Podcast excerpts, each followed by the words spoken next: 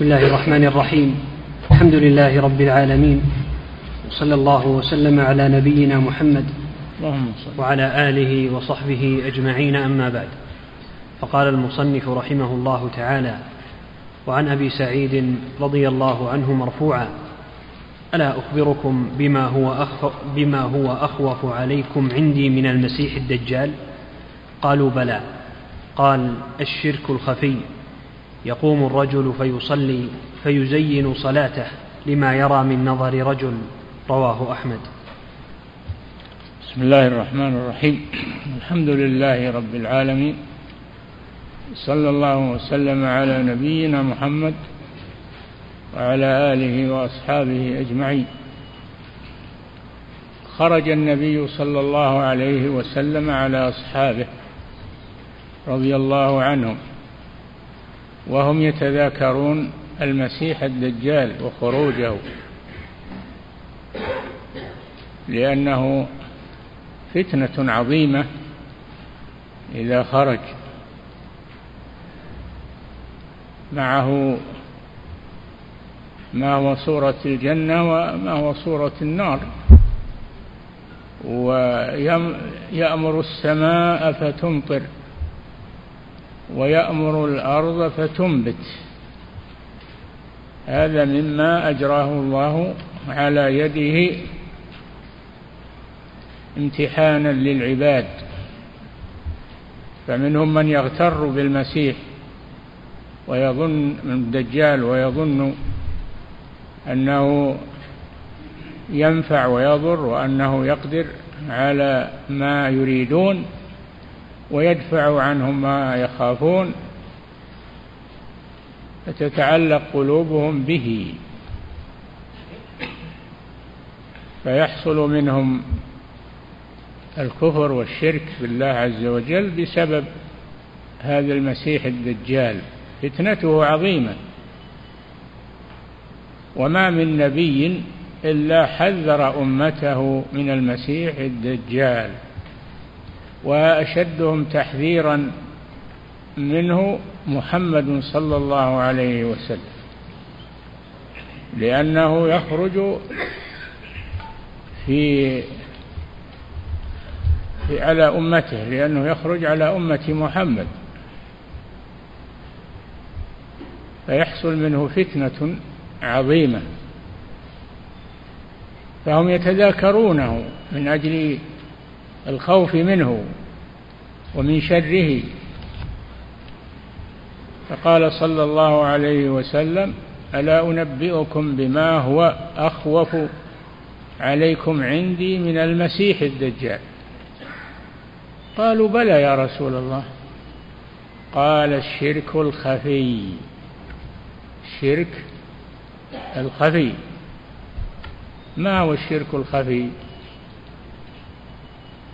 أن يقوم الرجل فيصلي ويزين صلاته لما يرى من نظر رجل إليه فهو يزين صلاته من أجل هذا الرجل الذي ينظر إليه ولا يزين صلاته تقربا إلى الله سبحانه وتعالى وهذا لا شك أنه خطير أخطر من المسيح الدجال. فعلى المسلم أن يخاف من الرياء وأن يخلص أعماله لله عز وجل. وإذا خطر خاطر عليه من الرياء يدفعه بالإيمان بالله واستحضار عظمة الله فيزول عنه بإذن الله. لكنه خطير يهلك كثيرا من هذه الأمة.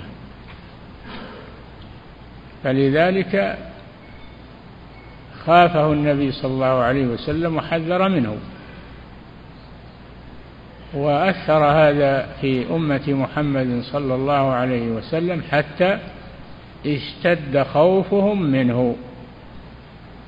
فجعلوا يتذاكرونه في مجالسهم من أجل التحذير منه والخوف منه. ولكن الرياء أشد خوفا على الأمة من المسيح الدجال. فهذا فيه الحذر من الرياء. الرياء ما هو؟ لما يرى من الأعمال. السمعة ما هي؟ لما يسمع من الأقوال. يزين صلاته من أجل أن يمدحه الناس. يحسن قراءته وصوته بالقرآن من أجل أن يمدحه الناس ويجتمعوا عليه ويصلون وراءه في مسجده. هذه السمعة. فالمسلم يحذر من هاتين الفتنتين الرياء والسمعة. ويخلص أعماله وأقواله لله عز وجل. فإذا خطر بنفسه خاطر من ذلك يدفعه يدفعه بالإخلاص لله عز وجل. ولا يضره إذا دفعه وذهب عنه وأخلص العمل لله عز وجل. نعم. وروى ابن خزيمة في صحيحه عن محمود بن لبيد قال خرج رسول الله صلى الله عليه وسلم فقال أيها الناس إياكم وشرك السرائر. قالوا يا رسول الله وما شرك السرائر؟ قال يقوم الرجل فيصلي فيزين صلاته جاهدا لما يرى من نظر الرجل إليه. فذلك شرك السرائر.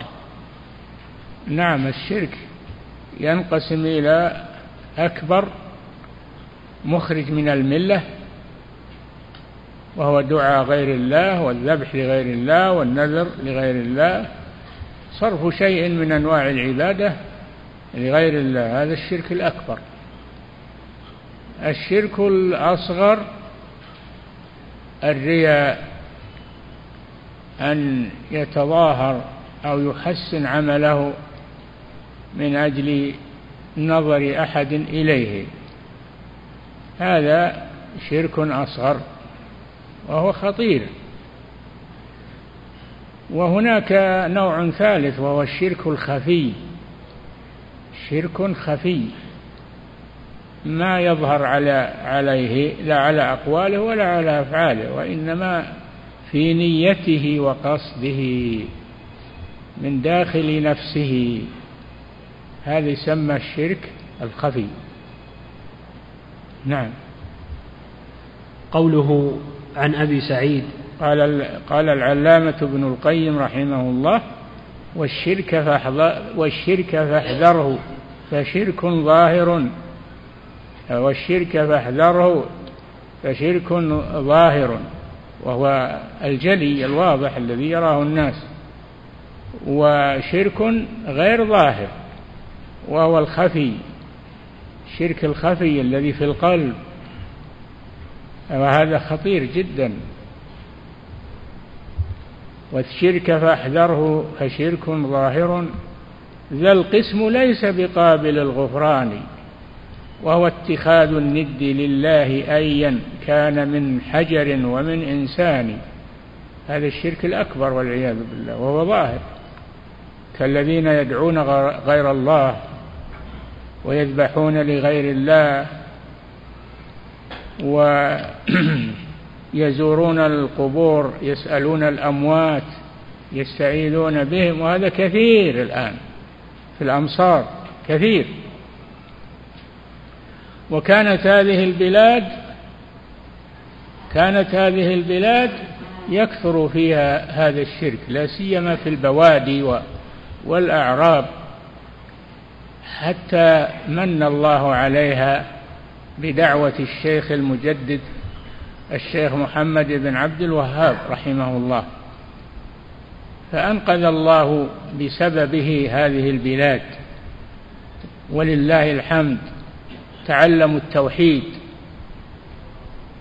وصارت فيها مدارس للتوحيد في المساجد وفي غيرها وفي العهد الأخير صارت المقررات التي تدرس في, المسا... في المدارس من كتب التوحيد والرسائل المختصرة المفيدة العظيمة. هذا من فضل الله على هذه البلاد. ثم إن دعوته انتشرت انتشرت في خارج هذه البلاد. انتشرت في مصر انتشرت في أفريقيا انتشرت في الهند أنصار السنة المحمدية هم على هذا الأثر ولله الحمد في كل مكان. أنصار السنة المحمدية. نعم في مصر في الشام في إفريقيا. نعم. قوله عن أبي سعيد هو الخدري وتقدم. نعم. قوله الشرك الخفي سماه خفيا لأن صاحبه يظهر أن عمله لله وقد قصد به غيره أو شركه فيه بتزيين صلاته لأجله. الشرك الخفي هذا في النفس ما يظهر على اللسان ولا على الأفعال وإنما هو في النية والقصد. فقد يكون عنده شرك خفي ولا يراه الناس لأنه في قلبه وفي نيته وقصده. هذا خطير جدا يحبط العمل. إلا إذا من الله على صاحبه فرفضه. قد يقوم الإنسان يصلي يقوم يتصدق ينفق في سبيل الله يجاهد. ثم يطرأ عليه هذا الشرك. فإن استمر معه أبطل عمله وإن رفضه ورجع إلى الله لم يضره. فعلى المسلم لأن الشيطان قريب منه يملي عليه هذا الشرك. فليحذر المسلم أن يدب إليه هذا الشرك فيحبط أعماله وهو لا يشعر يتعلم التوحيد يتعلم كيف يتخلص من دعاة الضلال. هناك دعاة من بني آدم يدعون إلى الشرك يدعون إلى عبادة غير الله يدرسون أولادهم ويدرسون من حولهم يدرسونهم الشرك. باسم التوسل يسمونه التوسل ما يسمونه شرك. يقولون هؤلاء صالحون ورجال طيبون يشفعون لنا عند الله فينادونهم بأسماء يا فلان اشفع لي يا فلان افعل كذا وكذا. كما قال الله جل وعلا ويعبدون من دون الله ما لا يضرهم ولا ينفعهم ويقولون هؤلاء شفعاؤنا عند الله. قل أتنبئون الله بما لا يعلم في السماوات ولا في الأرض؟ سبحانه وتعالى عما يشركون. الأمر خطير. على المسلم يتعلم التوحيد ويتعلم الشرك ويعرف الشرك. ما يقتصر على معرفة التوحيد بل يعرف الشرك أيضا من أجل أن يتجنبه من أجل أن يبتعد عنه. نعم. وعن شداد بن أوس قال حذيفة بن اليمان رضي الله عنه صاحب رسول الله صلى الله عليه وسلم كان الناس يسألون النبي صلى الله عليه وسلم عن الخير وكنت أسأله عن الشر مخافة أن يدركني. نعم. وعن شداد بن أوس رضي الله عنه قال كنا نعد الرياء على عهد رسول الله نعم. صلى يقول كنا نعد الرياء على عهد رسول الله صلى الله عليه وسلم الشرك الأصغر. رواه ابن أبي الدنيا في كتاب الإخلاص وابن جرير في التهذيب والطبراني والحاكم وصححه. كنا كنا نعد الرياء على عهد رسول الله صلى الله عليه وسلم الشرك الأصغر. أي نعم الرياء أن يحسن عمله من أجل الناس من أجل أن يمدحه الناس ويثنوا عليه. هذا شرك في النية والقصد لا في العمل ولا في القول. فهذا خطير جدا على المسلم أن يحذره. وقد يخطر على بال الإنسان فيدفعه ويخلص العمل لله عز وجل. نعم. قال ابن القيم رحمه الله وأما الشرك الأصغر فكيسير الرياء والتصنع للمخلوق. نعم. تصنع للمخلوق إظهار العبادة وإظهار الزهد للمخلوق من أجل أن يمدحه أن يثني عليه. فهذا أمر خطير جدا. نعم. وأما الشرك الأصغر فكيسير الرياء. كيسير الرياء. وأما الكثير فهذا كفر. وإذا قاموا إلى الصلاة قاموا كسالى يراءون الناس ولا يذكرون الله إلا قليلا. نعم. فكيسير الرياء والتصنع للمخلوق. تصنع يعني التزين بالعبادة والزهد وإظهار وإظهار آه، محبة العمل الصالح. نعم. والحلف بغير الله؟ الحلف بغير الله. كأن يحلف بأبيه أو بمعظم من المعظمين. هذا شرك. قال صلى الله عليه وسلم من حلف بغير الله فقد كفر أو أشرك. شك من الراوي هل قال الرسول كفر أو قال أشرك؟ وكلاهما خطير. كفر أو أشرك. من حلف بغير الله فقد كفر أو أشرك. فإن كان يعظم المخلوق الذي حلف به كما يعظم الله فهو شرك أكبر يخرج من الملة. وإن كان لا يعظمه تعظيما آه، كثيرا فهو شرك أصغر. وقد يكون أصغر في البداية ثم يتطور إلى الشرك الأكبر. على المسلم أن يحذر من الشرك. والشرك فاحذره فشرك ظاهر. ذا القسم ليس بقابل الغفران. إن الله لا يغفر أن يشرك به. وهو اتخاذ الند للرحمن أيا كان من حجر ومن إنسان. نعم. والحلف بغير الله وقول الرجل للرجل كيسير الرياء. فكيسير الرياء والتصنع للمخلوق والتصنع للمخلوق إظهار العبادة والخوف والخشية عند الناس يراءون الناس ولا يذكرون الله إلا قليلا. نعم. والحلف بغير الله؟ فالمسلم الصادق هو هو سواء كان عند الناس أو كان خاليا ليس عنده أحد. مخلص لله عز وجل. متوجه إلى الله. هذا هو المؤمن الصادق. أما من كان يتصنع عند الناس إذا كانوا يرونه وإذا خلا بنفسه بارز الله بالشرك والرياء والسمعة فهذا هو الشرك المخرج من الملة. نعم. وقول الرجل للرجل ما شاء الله وشئت.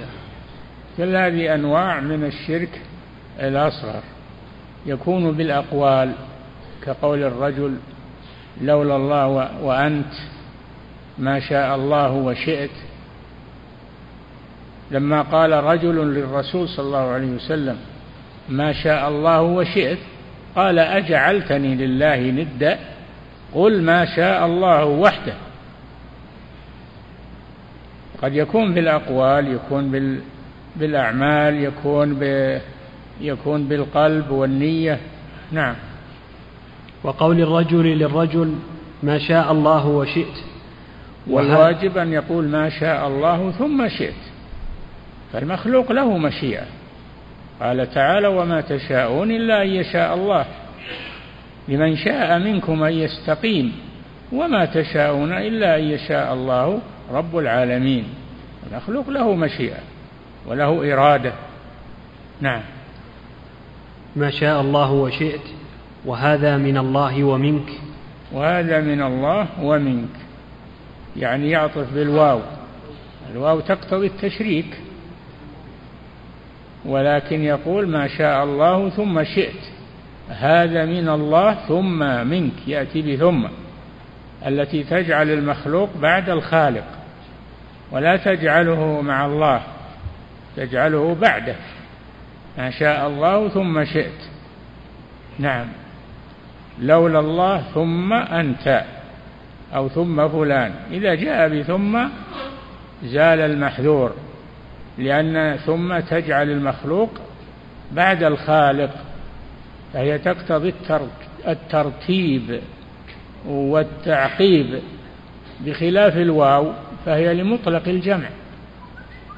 هي لمطلق الجمع. ما شاء الله وشئت يعني يجمع مشيئة الله مع مشيئة المخلوق بالواو. والواو تقتضي الجمع والتشريك أما ثم تقتضي الترتيب. نعم. وأنا وبالله وم... وأنا بالله وبك. أنا بالله وبك. يقول أنا بالله ثم بك. ولا يقول أنا بالله وبك. هذا شرك. نعم. وما لي إلا الله وأنت. ما لي إلا الله وأنت. الواجب أن يقول ما لي إلا الله ثم أنت. ثم أنت. نعم. وأنا متوكل وأنا متوكل على الله وعليك. إي نعم. يعني جمع بين الله وبين المخلوق بالتوكل. وتفويض الأمور. الواجب أن يقول أنا متوكل على الله ثم عليك. نعم. ولولا الله وأنت لم يكن كذا وكذا. لولا الله وأنت لم يكن كذا وكذا. هذا شرك. شرك في الأقوال. الواجب أن يقول لولا الله ثم أنت. نعم. وقد يكون هذا شركا أكبر بحسب بحسب حال قائله ومقصده. اي نعم إذا قصد أن المخلوق يساوي الخالق صار شركا أكبر. إذا لم يقصد هذا فهو شرك لفظي. شرك لفظي. يجب أن أن يتركه وأن يقول أن يأتي بالواو أو بثم. لا يأتي بالواو لأن الواو تقتضي الجمع والتشريك. يأتي بثم. لولا الله ثم أنت. ما شاء الله ثم شئت. وما أشبه ذلك. نعم. وقد يكون هذا شركا أكبر بحسب حال قائله ومقصده. انتهى. وقد يرتقي الشرك الأصغر في قوله ما لي إلا الله وأنت. ما شاء الله وشئت قد يرتقي إلى الشرك الأكبر. إذا اعتقد أن المخلوق يساوي الله جل وعلا في العمل وفي تحصيل المطلوب. نعم. ولا خلاف أن الإخلاص شرط لصحة العمل وقبوله. الإخلاص شرط لصحة العمل وقبوله. بأن يكون العمل خالصا لله. هذا الذي هذا الذي ينفع العبد إذا أخلص عمله لله وأخلص نيته لله. ولا مانع أنه يعترف للمخلوق بما بذل من الأسباب ومن بحسب المخلوق ولا يسويه بالله عز وجل. يعتبره من من فعل المعروف يقول جزاك الله خيرا وما أشبه ذلك. نعم. ولا خلاف أن الإخلاص شرط لصحة العمل وقبوله. الله جل وعلا لا يقبل من الأعمال إلا ما كان خالصا لوجهه وصوابا على سنة رسوله صلى الله عليه وسلم. خالصا صوابا.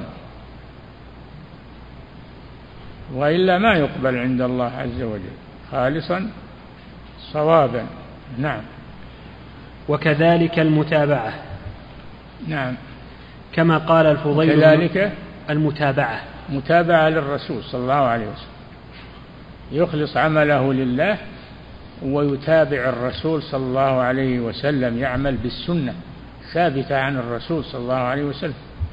ما يعمل من غير دليل من الكتاب والسنة. نعم. كما قال الفضيل بن عياض رحمه الله تعالى فضيل بن عياض. هذا من خيار من خيار الصالحين. كان في الأول من قطاع الطرق. كان يقطع الطريق وينهب أموال المسافرين. ثم من الله عليه فتاب إلى الله. وأخلص عمله لله فصار من خواص أولياء الله. رحمه الله. نعم. قال الفضيل بن عياض رحمه الله تعالى في قوله تعالى ليبلوكم. يقولون إن إنه سبب توبته أنه تسور جدارا ليسرق فسمع قارئا يقرأ. ألم يأن للذين آمنوا أن تخشع قلوبهم لذكر الله وما نزل من الحق فأثرت فيه وتاب إلى الله وحسن عمله. نعم. قال الفضيل بن عياض رحمه الله تعالى في قوله تعالى ليبلوكم أيكم أحسن عملا. قال أخلصه وأصوبه. قيل يا أبا علي ما أخلصه وأصوبه. قال إن العمل إذا كان خالصا ولم يكن صوابا لم يقبل. وإذا كان صوابا ولم يكن خالصا لم يقبل حتى يكون خالصا صوابا. فالخالص ما كان لله والصواب ما كان على السنة. نعم لابد من الشرطين أن يكون خالصا لله. هذا شرط. والشرط الثاني أن يكون صوابا على سنة رسول الله صلى الله عليه وسلم. فإذا اجتمع الشرطان صح العمل وقبل. وإذا اختل شرط منهما رد الله عمله عليه. إذا كان لا يخلص النية لله وإنما يقصد الرياء يقصد طمع الدنيا ولا يقصد وجه الله بعمله عمله مردود عليه. وإذا كان خالصا لله لكنه ليس على سنة رسول الله فهو مردود أيضا وباطل. ما يقبل إلا ما كان صوابا على سنة رسول الله صلى الله عليه وسلم. نعم. وفي الحديث من الفوائد. آه قال الفضيل قال الفضيل نعم. سئل الفضيل ما ما ما أخلصه وأصوبه. قال أخلصه أن يكون خالصا لوجه الله وأصوبه أن يكون موافقا لسنة رسول الله صلى الله عليه وسلم. نعم.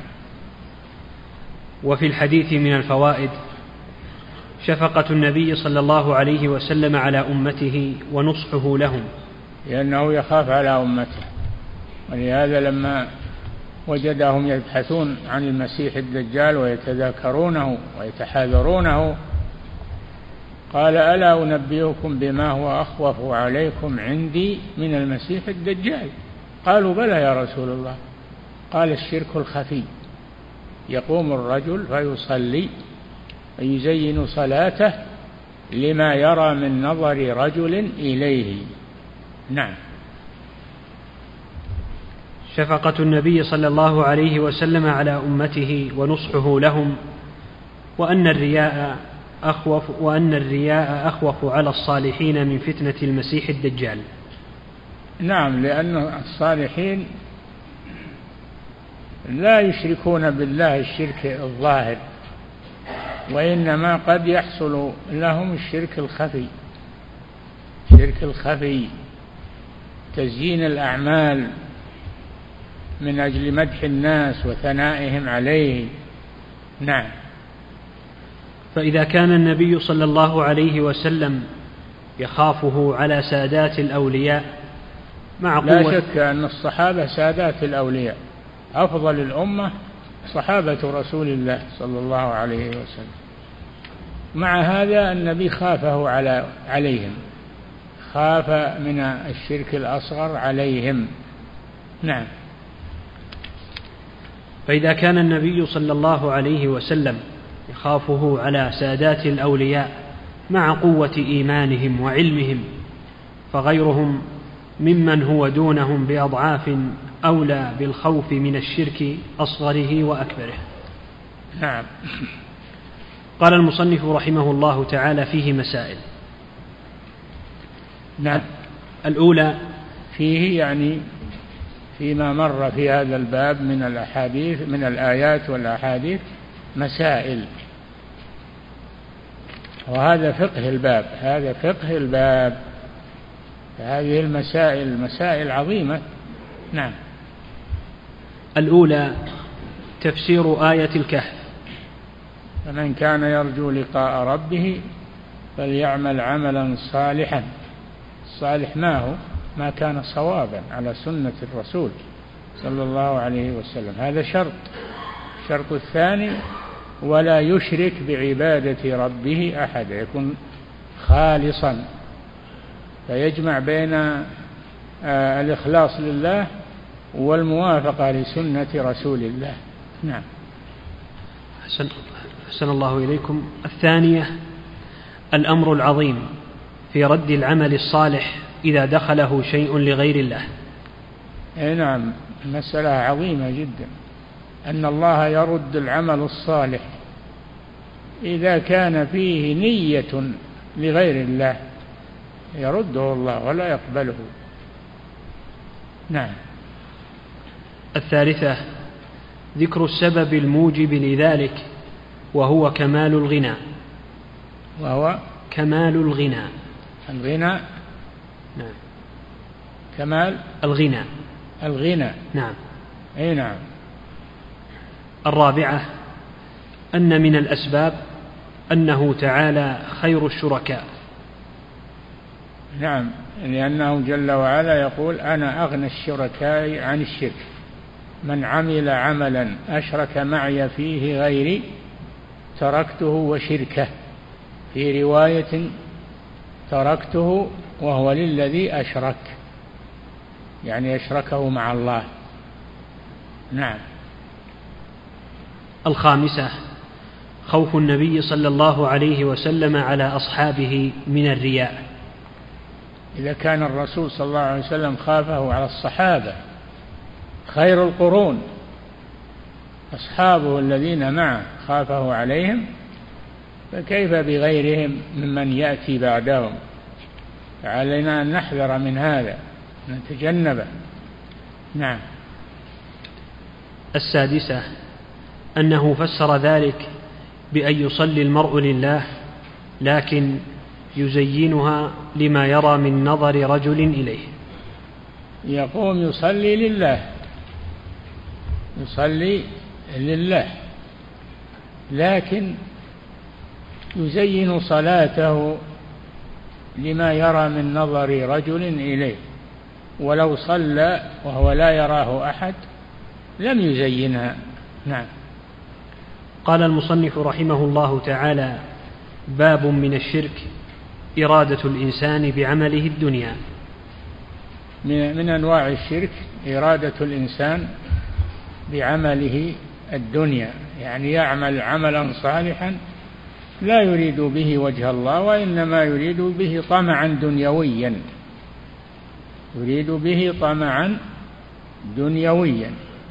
كان يجاهد في سبيل الله لأجل المغنم لأجل المغنم الغنيمة ما, ما له أجر عند الله لأنه لم يخلص لله عز وجل.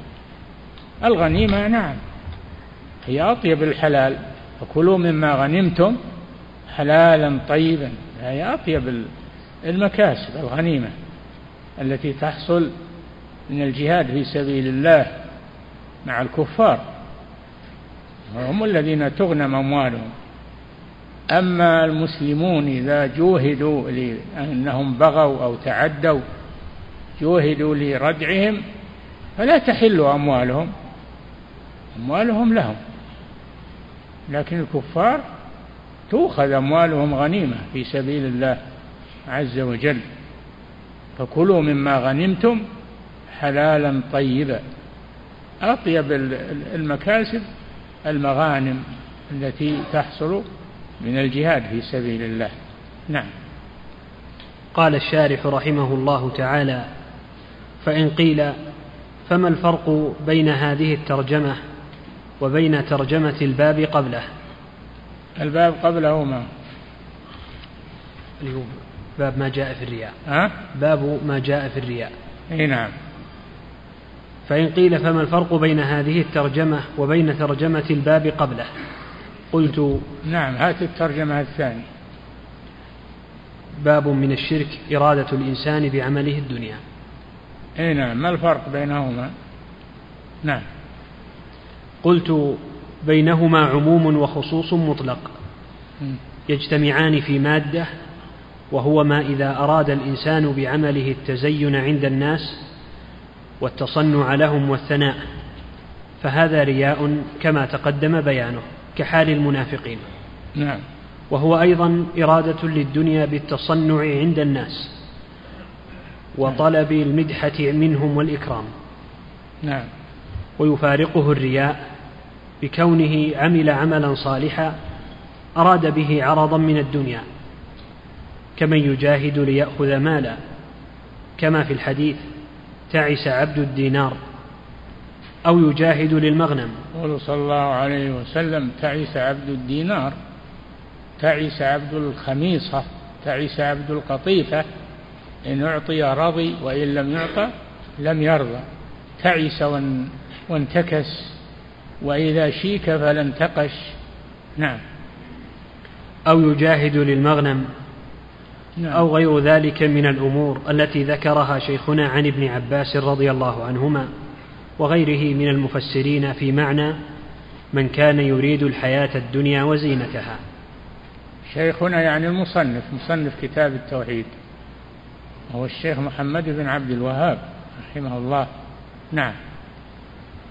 وأراد المصنف رحمه الله بهذه الترجمة وما بعدها أن العمل لأجل الدنيا شرك ينافي كمال التوحيد الواجب. ويحبط نعم ينافي كمال التوحيد شرك. العمل من أجل الدنيا شرك لكنه ليس شركا أكبر ولكنه دون ذلك دون الشرك الأكبر. نعم. شرك ينافي كمال التوحيد الواجب والشرك الأصغر ينافي كمال التوحيد والشرك الأكبر ينافي التوحيد من أصله. نعم. ويحبط الأعمال. الشرك الأكبر يعني نعم. وهو أعظم من الرياء لأن مريد الدنيا قد تغلب إرادته تلك على كثير من عمله. نعم. وأما الرياء فقد يعرض له في عمل دون عمل ولا يسترسل معه والمؤمن يكون حذرا من هذا وهذا. الله جل وعلا يقول من كان يريد الحياة الدنيا وزينتها نوفي إليهم أعمالهم فيها وهم فيها لا يبخسون. أولئك الذين ليس لهم في الآخرة إلا النار وحبط ما صنعوا فيها وباطل ما كانوا يعملون. نعم. قال المصنف رحمه الله تعالى وقوله تعالى من كان يريد الحياة الدنيا وزينتها نوفي إليهم أعمالهم فيها وهم فيها لا يبخسون. وهذا مقيد في الآية الأخرى من كان يريد العاجلة عجلنا له فيها ما نشاء لمن نريد؟ لمن؟ مقيد. لمن نريد؟ نعم. من كان يريد الحياة الدنيا وزينتها نوفي إليهم أعمالهم فيها وهم فيها لا يبخسون. أولئك الذين ليس لهم في الآخرة إلا النار وحبط ما صنعوا فيها وباطل ما كانوا يعملون. نعم. قال ابن عباس رضي الله عنهما من كان يريد الحياة الدنيا أي ثوابها وزينتها أي مالها نوفي أي نوفر لهم ثواب أعمالهم بالصحة والسرور في المال والأهل والولد. وهم فيها لا يبخسون لا ينقصون. ثم نسختها من كان يريد العاجلة عجلنا له فيها ما نشاء لمن نريد. الآية رواه النحاس في ناسخه. رواه؟ رواه النحاس في ناسخه. في ناسخه نعم كتاب الناسخ والمنسوخ للنحاس. نعم. قوله ثم نسختها أي قيدتها فلم تبق الآية على إطلاقها. نعم. وقال قتادة نسخت عمومها ما نسخت أصلها نسخت عمومها. نعم. وقال قتادة رحمه الله يقول من كانت الدنيا همه وطلبته ونيته جزاه الله بحسناته في الدنيا. ثم يفضي إلى الآخرة وليس له حسنة يعطى بها جزاء. نعم. وأما المؤمن فيجازى بحسناته في الدنيا ويثاب عليها في الآخرة. ذكره ابن جرير بسنده. نعم. ثم ساق حديث أبي هريرة رضي الله عنه عن ابن المبارك عن حيوة بن شريح عن حيوة بن شريح حيوة حيوة. عن حيوة بن شريح. نعم. قال حدثني الوليد بن أبي الوليد أبو عثمان أن عقبة بن مسلم حدثه أن شفي بن ماتع الأصبحي حدثه أنه دخل المدينة فإذا هو برجل قد اجتمع عليه الناس. فقال من هذا؟ فقالوا أبو هريرة. فدنوت منه حتى قعدت بين يديه وهو يحدث الناس. أبو هريرة يعني صاحب رسول الله صلى الله عليه وسلم. نعم. فلما سكت وخلا قلت أنشدك بحق وحق لما حدثتني حديثا سمعته من رسول الله صلى الله عليه وسلم. سمعته لما حدثتني حديثا سمعته من رسول الله صلى الله عليه وسلم عقلته وعلمته. فقال أبو هريرة أفعل. لأحدثنك حديثا حدثنيه رسول الله صلى الله عليه وسلم في هذا البيت ما فيه أحد غيري وغيره. ثم نشغ أبو هريرة نشغة ثم أفاق. فقال لأحدثنك حديثا حدثنيه رسول الله صلى الله عليه وسلم في هذا البيت. ما في فيه أحد؟ في هذا؟ في هذا البيت. البيت نعم. في هذا البيت. ما فيه أحد غيري وغيره. ثم نشغ أبو هريرة نشغة أخرى. ثم يعني بكى بكى أبو هريرة. نعم. ثم مال خارا على وجهه واشتد به طويلا ثم أفاق. فقال حدثني رسول الله صلى الله عليه وسلم أن الله تبارك وتعالى إذا كان يوم القيامة نزل إلى أهل القيامة ليقضي بينهم وكل أمة جاثية. فأول من يدعو به رجل جمع القرآن. ورجل قتل في سبيل الله. فأول؟ فأول من يدعو به. نعم يدعو الله به يعني يناديه.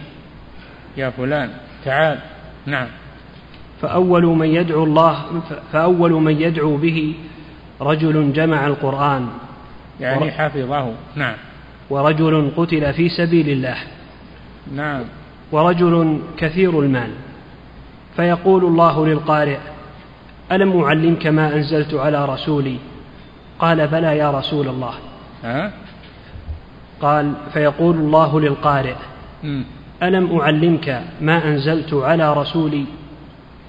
قال بلى يا رب. أي نعم. قال فماذا عملت فيما علمت؟ قال كنت أقوم آناء الليل وآناء النهار. فيقول الله له كذبت. وتقول له الملائكة كذبت.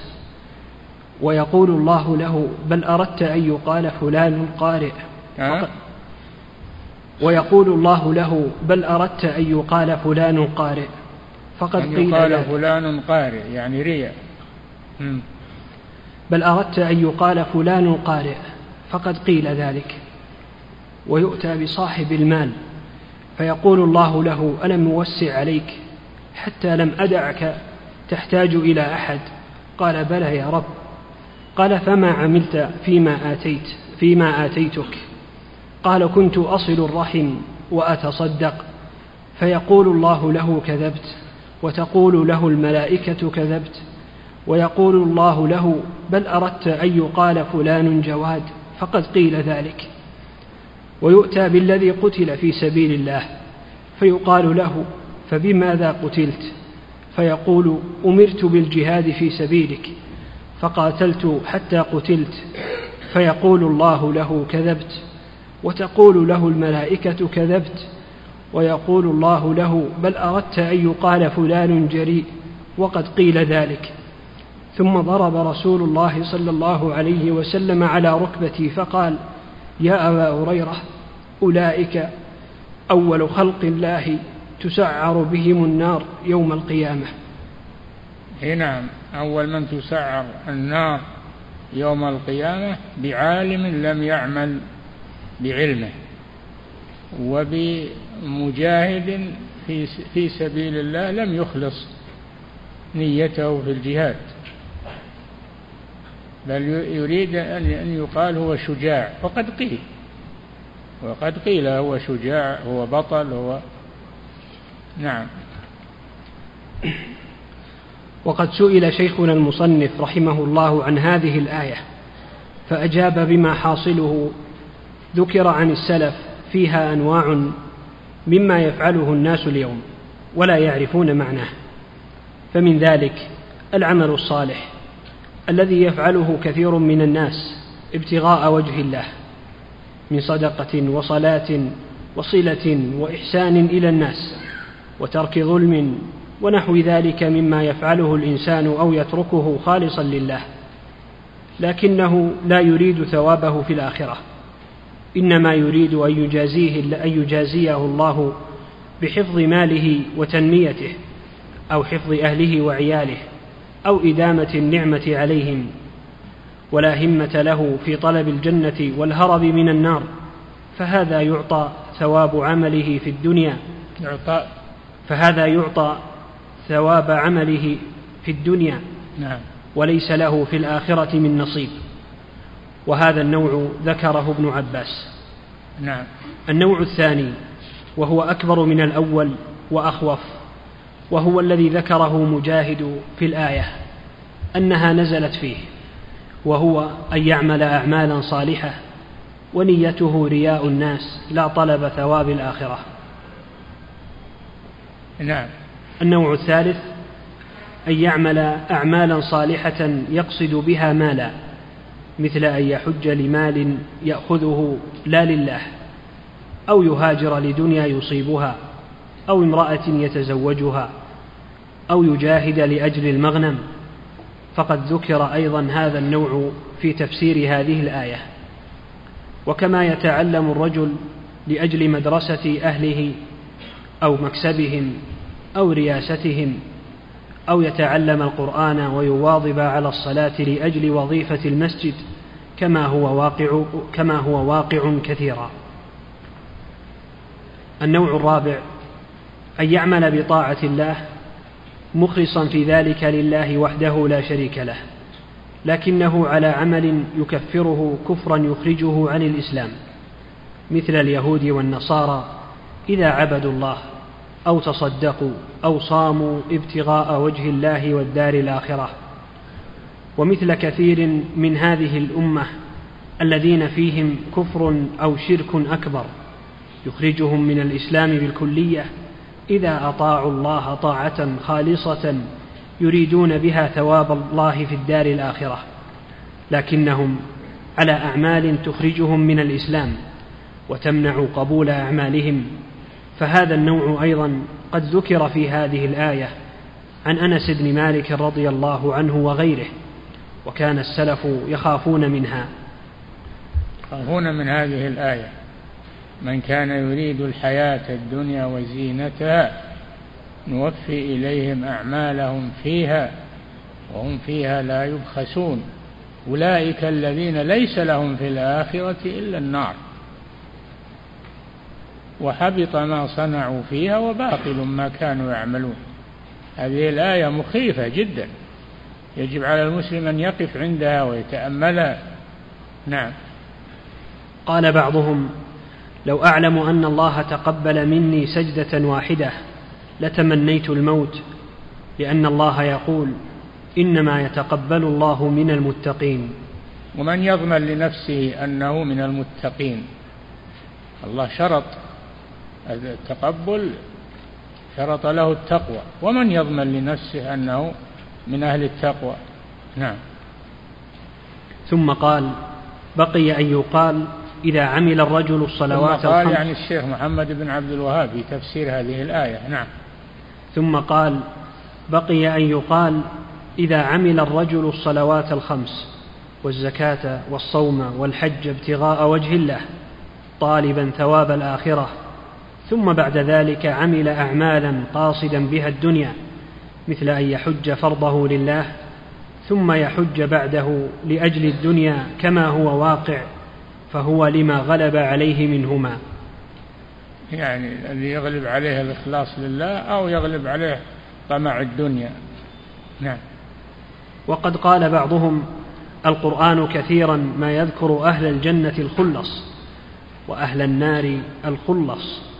ويسكت عن, صائب عن صاحب الشائبتين وهو هذا وأمثاله. انتهى.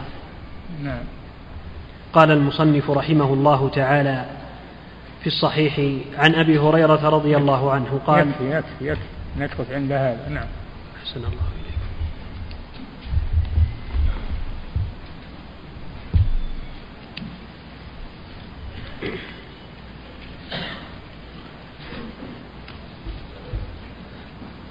أحسن الله إليكم فضيلة الشيخ هذا سائل يقول هل الرياء يكون من الشرك الأصغر أو من الشرك الخفي؟ الرياء ينقسم إلى قسمين الرياء المنافقين الذين لا يريدون الثواب وإنما يريدون إرضاء الناس أو مباهاة الناس. وهذا محبط للعمل. محبط للعمل لأنه لم ينوي وجه الله بالعمل الصالح. إنما أراد به مدحا أو أراد به مالا أو أراد به جاها عند الناس. الأمر خطير على الإنسان يحاسب نفسه. يحاسب نفسه في قصدها ونيتها. لا بد للإنسان من أمرين. أولا الاتباع للرسول صلى الله عليه وسلم. ثانيا الإخلاص لله عز وجل. فيكون عمله موافقا لسنة الرسول صلى الله عليه وسلم وخالصا لوجه الله. بهذين الشرطين يقبل العمل. نعم. أحسن الله إليكم فضيلة الشيخ. هذا سائل يقول هل الشرك الخفي هو شرك السرائر؟ الشرك الخفي. إي نعم هو شرك السرائر اللي ما يعلمه إلا الله. الشرك بالنية وش يدرينا عن نية الإنسان؟ ما يعلمها إلا الله. نعم. أحسن الله إليكم. فضيلة الشيخ هذا سائل يقول كيف يكون الرياء أخطر وهو لا يخرج من الإسلام؟ بينما أن المسيح أخطر الرياء الشرك الأصغر أخطر لأن الناس يتساهلون فيه. وأما الشرك الأكبر فهم يخافونه ويتجنبونه. لكن قل من يسلم من الرياء فهو خطير. نعم. أحسن الله إليكم فضيلة الشيخ هذا سائل يقول إذا عمل المسلم عملا لله ثم أخبر الناس فيما بعد عن هذا العمل وأخبرهم بالسمعة يقول ثم تاب بعد ذلك هل يحبط عمله؟ من تاب تاب الله عليه. من تاب تاب الله عليه ويرجع إليه عمله. نعم. أحسن الله إليكم فضيلة الشيخ هذا سائل يقول إذا رأى الإنسان بعمله ثم دافع هذا الرياء يقول هل يقبل العمل؟ هل؟ هل يقبل العمل؟ إي نعم. إذا كان يعمل لله ثم طرأ عليه شيء من الرياء ثم دفعه وعاد إلى الإخلاص يقبله الله عز وجل. نعم. أحسن الله إليكم فضيلة الشيخ هذا هذا السائل يقول ما حكم قول الرجل ما لي بعد الله إلا أنت لا بأس بذلك إذا قال بعد الله لا مثل ما لي إلا الله ثم أنت نعم. أحسن الله إليكم فضيلة الشيخ هذا سائل يقول بعض بعض الناس إذا حرصته على عمل معين يقول وكل الله. أه؟ يقول بعض الناس بعض الناس إذا حرصته على عمل معين يقول وكل الله. يعني ثق. وكل الله يعني ثق إني سأعمل هذا العمل. لا بأس بذلك. نعم. أحسن الله إليكم فضيلة الشيخ. هذا سائل يقول هل يجوز أن يقال توك توكلت على الله ثم عليك. أم أن التوكل عبادة قلبية؟ التوكل بهذا اللفظ عبادة ما تصرف لغير الله عز وجل. فلا يقول توكلت على الله ثم عليك ولكن يقول توكلت على الله ثم وكلتك. وكلتك الوكالة. ما هو بالتوكل؟ الوكالة. نعم. أحسن الله إليكم فضيلة الشيخ هذا سائل يقول ما حكم قول أنت أملنا؟ ها؟ أنت أملنا. أملنا؟ نعم. حسب نية القائل. إن كان يقصد أنه يكفيهم أن هذا العبد يكفيهم ما يريدون هذا باطل وشرك بالله. أما إن كان يقول هذا من باب إحسان الظن. قوله من باب إحسان الظن في أخيه لا بأس بذلك. نعم. أحسن الله إليكم فضيلة الشيخ هذا سائل يقول ما حكم قول الرجل للرجل لولا أنت لحصل لي كذا وكذا؟ علما أن القائل يعتقد أن المسبب هو الله. لا يقول هذا اللفظ هذا خطأ. نعم. أحسن الله إليكم فضيلة الشيخ هذا سائل يقول هل يقال في العمل الصالح هو ما اجتمع فيه شرطان أم يقال ركنان؟ ها؟ يقول العمل الصالح. هل هو ما اجتمع فيه شرطين أم ركنين؟ ما اجتمع فيه؟ شرطان. إيه؟ أم ركنان. أم؟ ركنان. شرطان شرطان ما هو ركنان؟ نعم. أحسن الله إليكم فضيلة الشيخ هذا سائل يقول هل يعذر بالجهل من قال ما شاء الله وشئت جاهلا؟ إي نعم يعذر بالجهل ويبين له فإذا تراجع وترك هذا اللفظ لم يضره أما إذا لم يترك هذا اللفظ واستمر عليه هذا يضره نعم بعد ما علم ونبه على هذا نعم. أحسن الله إليكم فضيلة الشيخ هذا سائل يقول من عمل ذنبا ثم استغفر ربه وتاب وبعد فترة آه، عاد إليه. يقول هل يعد استغفاره رياء أم نقص؟ لا لا يعود إلى الله ويتوب عليه. إذا تاب توبة صحيحة وصادقة ولكن غلبته نفسه وغلبه الشيطان فعاد إلى هذا العمل لا ييأس من رحمة الله يتوب إلى الله. كل ما تكرر منه يتوب إلى الله عز وجل ولا يقنط من رحمة الله. نعم.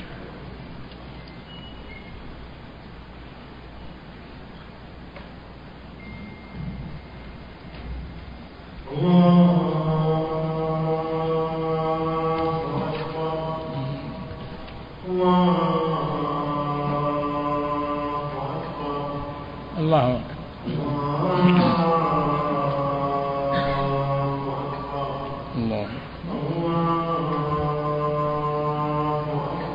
الله. أشهد أن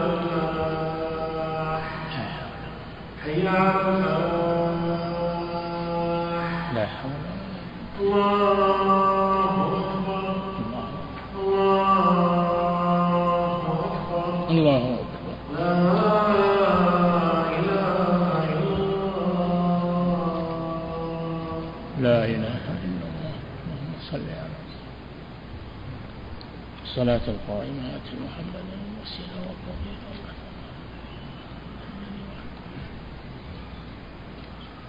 محمد صلى الله عليه وسلم. نعم. أحسن الله إليكم فضيلة الشيخ هذا سائل يقول كيف يتخلص المسلم من الرياء في العبادة؟ توبة يتخلص منها بالتوبة. نعم. أحسن الله إليكم فضيلة الشيخ هذا سائل يقول معلوم أن الاستغفار من أسباب الرزق فهل يدخل هذا العمل الصالح في عمل أريد به الدنيا؟ لا. يعني يرجو الله ويخلص له ويطلب الحلال من الرزق لا بأس بذلك. نعم. أحسن الله إليكم فضيلة الشيخ هذا سائل يقول هل الثلاثة الذين ذكروا في الحديث أنهم أول من تسعر بهم النار هل يدخلون النار قبل الكفار؟ إيه نعم. يقولون يبدأ بنا قبل الكفار فيقال لهم ليس من يعلم كمن لا يعلم. نعم. أحسن الله إليكم فضيلة الشيخ هذا سائل يقول الشهادة لأحد التابعين بأنه ولي من أولياء الله. ألا يستلزم ذلك الشهادة له بالجنة؟ شهادة إيه؟ يقول الشهادة لأحد التابعين بأنه ولي من أولياء الله. ما نشهد لأحد بجنة ولا نار إلا من شهد له رسول الله صلى الله عليه وسلم. ولكننا نرجو للمحسن ونخاف على العاصي. نعم. أحسن الله إليكم فضيلة الشيخ هذا سائل يقول ذكر الشارح كتابا وعزاه لابن جرير رحمه الله وهو كتاب التهذيب. كتاب التهذيب. تهذيب؟ نعم. يسأل عن اسم الكتاب. والله ما أعرفه. نعم. أحسن الله إليكم فضيلة الشيخ هذا سائل راجع ترجمة آه ترجمة من؟ ابن جرير. ابن جرير راجع ترجمة ابن جرير الطبري. شوف مؤلفاته مذكورة. نعم. أحسن الله إليكم فضيلة الشيخ هذا سائل يقول يقول أن عنده وسواس قهري. يقول ويغسل يديه كثيرا خوفا من الجن أن يصيبوه بالمرض. مع علمه الجازم أن المرض والعافية من الله. فهل هذا شرك؟ يترك هذا يترك هذا ويعتمد على الله توكل على الله. ويترك هذا ويتعود إذا أحس به يستعيذ بالله من الشيطان الرجيم. ويذهب عنه بإذن الله. نعم. أحسن الله إليكم فضيلة الشيخ. هذا سائل يقول كيف نوفق بين قول الله تعالى المال والبنون زينة الحياة الدنيا وبين قوله تعالى من كان يريد الحياة الدنيا وزينتها نوفي إليهم أعمالهم فيها وهم فيها لا يبخسون. لا تعارض بينهما. المال والبنون زينة الحياة الدنيا ما في شك.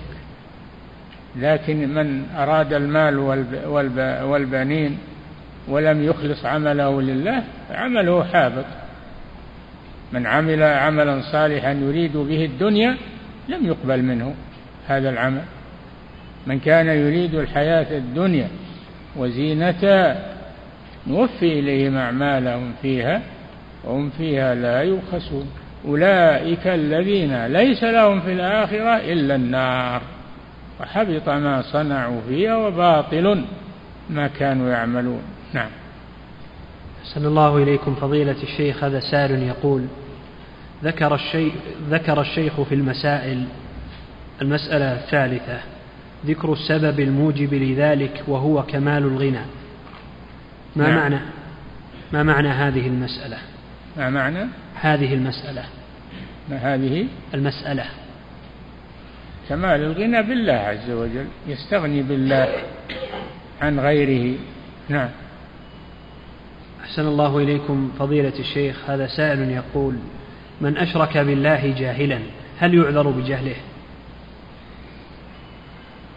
إذا كان مثله يجهل هذا ولا بلغه شيء يكون من أصحاب الفترة.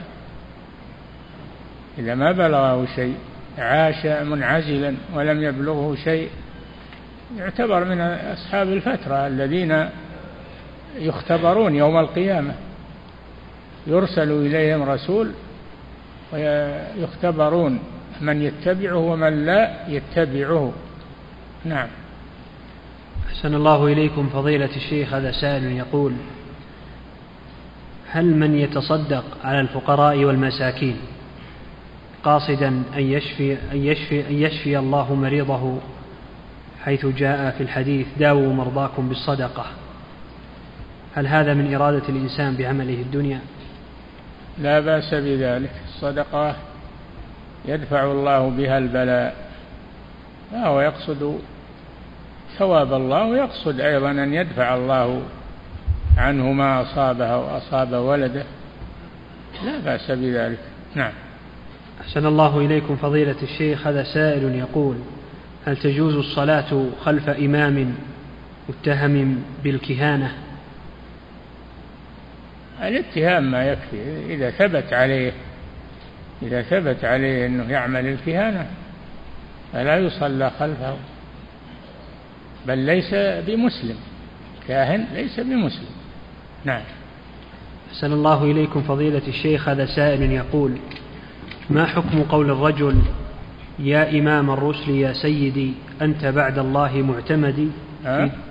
يقول ما حكم قول الرجل يا إمام الرسل يا سندي أنت بعد سندي؟ الله نعم. ما يجوز هذا. اللفظ يقال الرسول صلى الله عليه وسلم. ما هو سنده؟ ما هو بسنده. سنده هو الله جل وعلا. نعم. يقول يا إمام الرسل يا سندي أنت بعد الله معتمدي؟ لا يجوز. هذا يا سندي ما يجوز. نعم. أحسن الله إليكم. فضيلة الشيخ هذا سائل يقول كيف الخلاص من فتنة المسيح الدجال؟ وقد أجرى الله على يديه المعجزات. ما هي معجزات؟ هذه خوارق شيطانية معجزات للأنبياء. المعجزات للأنبياء. فالخارق للعادة إن جرى على يد نبي فهي معجزة. الخارق يكون معجزة لهذا النبي. وإن جرى على يد عبد صالح فهو كرامة من كرامات الأولياء. وإن جرى على يد كافر أو شيطان فهو استدراج والعياذ بالله استدراج. نعم. أحسن الله إليكم فضيلة الشيخ هذا سائل يقول هل يؤجر الإنسان إذا وقع في البدعة بحسن نية؟ لا ما يؤجر. ولا يأثم إذا كان جاهلا لا يؤجر ولا يأثم. إذا كان جاهلا لم يبين له ذلك. نعم.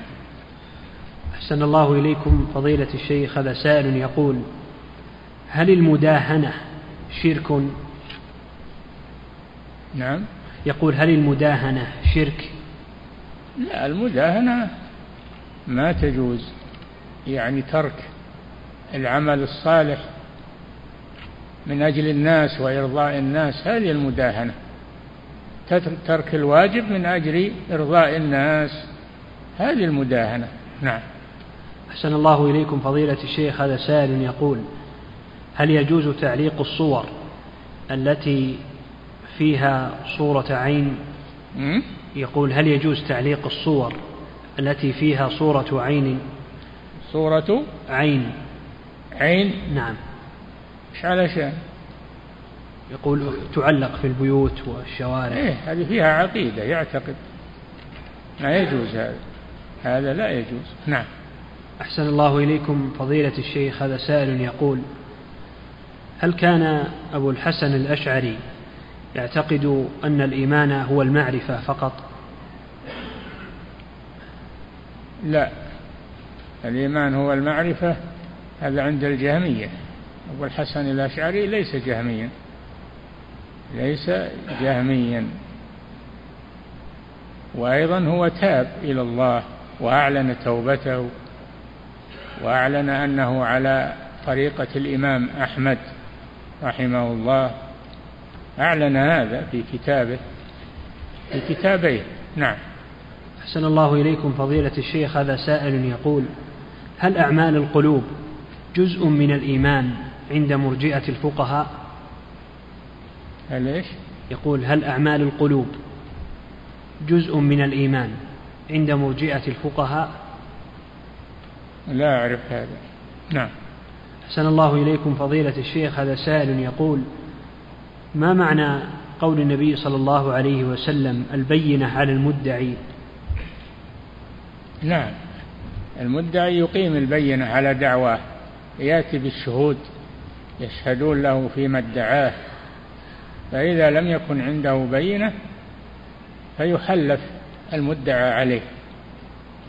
البينة على المدعي واليمين على من أنكر كما قال الرسول صلى الله عليه وسلم. نعم.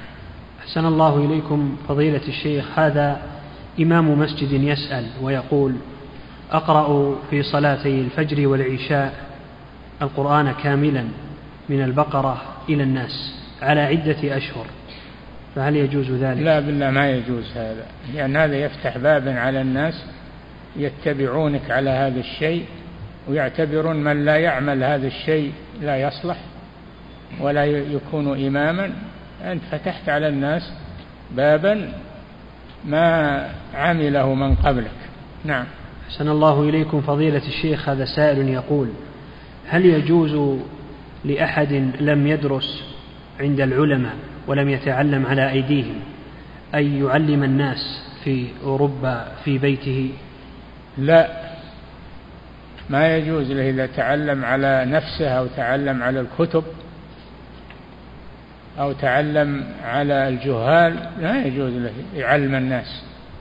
لابد يأخذ العلم عن العلماء. يأخذ العلم عن العلماء. ما يأخذه من الكتب أو يأخذه من غير العلماء المعتبرين. نعم. انتهى. والله تعالى أعلم وصلى الله وسلم على نبينا محمد.